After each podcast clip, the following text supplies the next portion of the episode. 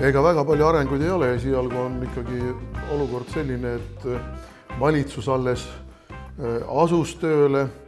valitsus, mida mina pean illegaalseks valitsuseks, sest ma veel kord toonitan, minu väga sügava veendumuse kohaselt valimised on võltsitud e-valimiste kuritarvitamise teel.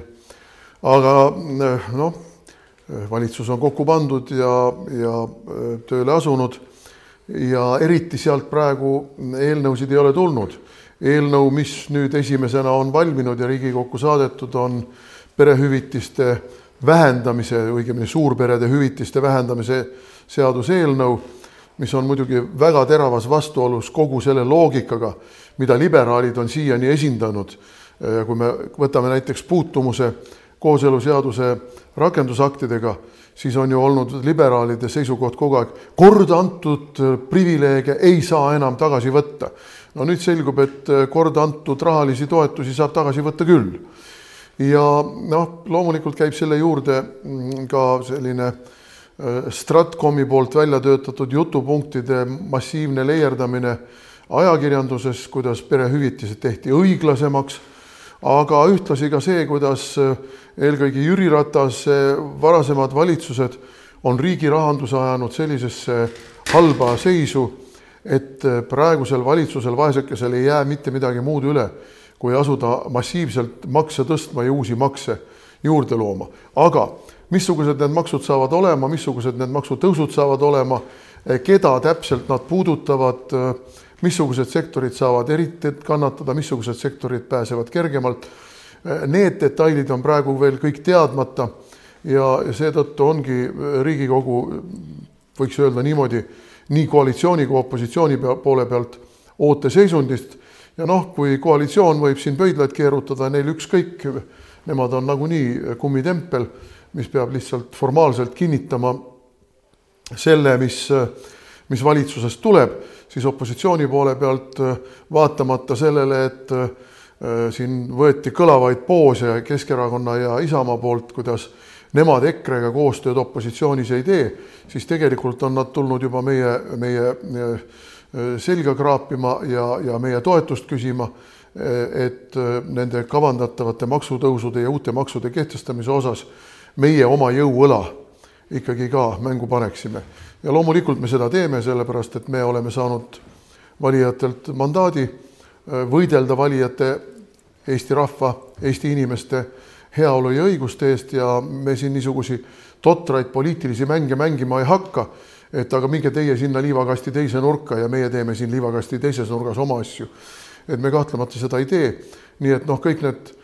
kõlavad jutud siin EKRE isoleerimisest ja sellest, et, et, et opositsiooni juhtjõud on Keskerakond, see on täielik bluff, see on täielik jama. nüüd veel üks oluline esinemine, mis meil oli oli õiguskantsler Ülle Madise esinemine, kus ta äh, rääkis meile sellest, kuidas Eesti riik on võtnud endale kliima äh, kontekstis terve hulga kohustusi ja nüüd tuleb need kohustused äh, viia vastavusse Eesti Vabariigi seadusandlusega. ja mis sellest esinemisest välja tuli? esinemisest tuli välja ülimalt jõhker autoritaarse võimu kehtestamine planeedi kliima päästmise, päästmise nime all. meilt tahetakse võtta ära eraomandi puutumatus, meilt tahetakse ära võtta meie kodaniku õigused, piirata meie isikliku vara kasutamise õigust, seda kõike selle nimel, et päästa planeedi kliima millel äh, tõsiseltvõetavate äh, klimatoloogide seisukohast ei ole tegelikult mitte midagi katastroofilist, toimub kliima järk-järguline muutus seoses päikese aktiivsuse kasvuga, mis on äh, prognoosimatu, aga mida on ajaloos olnud väga palju kordi, päikese aktiivsuse kasv, mis toob kaasa planeedi soojenemise, päikese aktiivsuse vähenemine mis toob kaasa planeedil jahenemise, pluss ka geotermaalsed muudatused, mis võivad eh, teatud hetkedel mõju avaldada, nagu vulkaanipursked, mingisugused suured tormid, mis mingeid õhumasse liigutavad sinna, kuhu nad tavapäraselt ei ole liikunud, aga mis võib ka olla omakorda seotud päikese aktiivsusega. nii et, et see varanduse ümberjagamine ja inimeste demokraatlike, neile, meile Eestis ka põhiseadusega tagatud õiguste piiramine ja äravõtmine, see oli selle Ülle Madise ettekande sisu ja sellega loomulikult ei saa me nõus olla.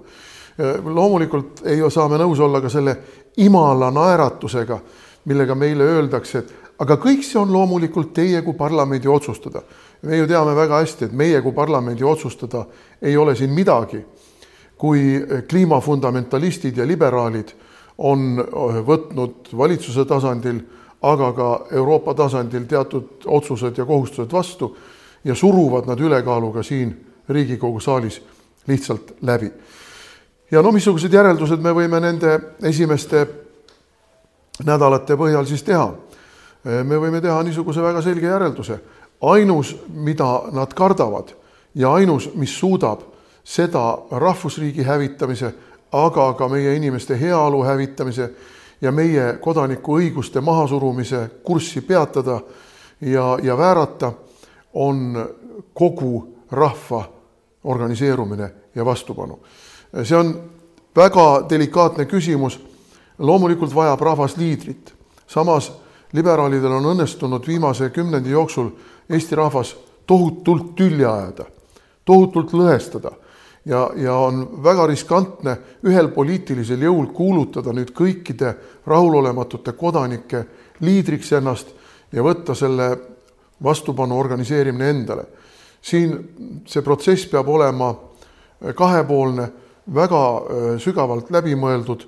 ja mm, väga taktitundeliselt ellu viidud, aga selge on see, et Stenbocki majast tuleb tint ja kurjuse udu. ja see kurjuse udu tuleb mere peale tagasi puhuda ja seda saab Eesti rahvas teha ainult kollektiivselt. No täna oli ju äh, väga kõnekas, kõnekas näide, kui ma võtsin sõna, äh, esitasin küsimuse Kaja Kallasele, kes süüdistas meid selles, et me jälle järjekordselt, kuidas me ei taha Ukrainat abistada. et me oleme loomulikult Ukraina abistamise poolt, igati tahame Ukrainat abistada, aga mitte nii, et me ise jääksime palja tagumikuga.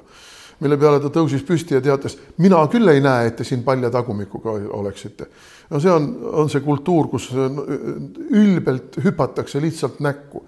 võetakse kuskil sõnasabast kinni ja keeratakse see noh, lihtsalt vulgaarselt, sõna otseses mõttes vulgaarselt keeratakse küsija, küsija vastu.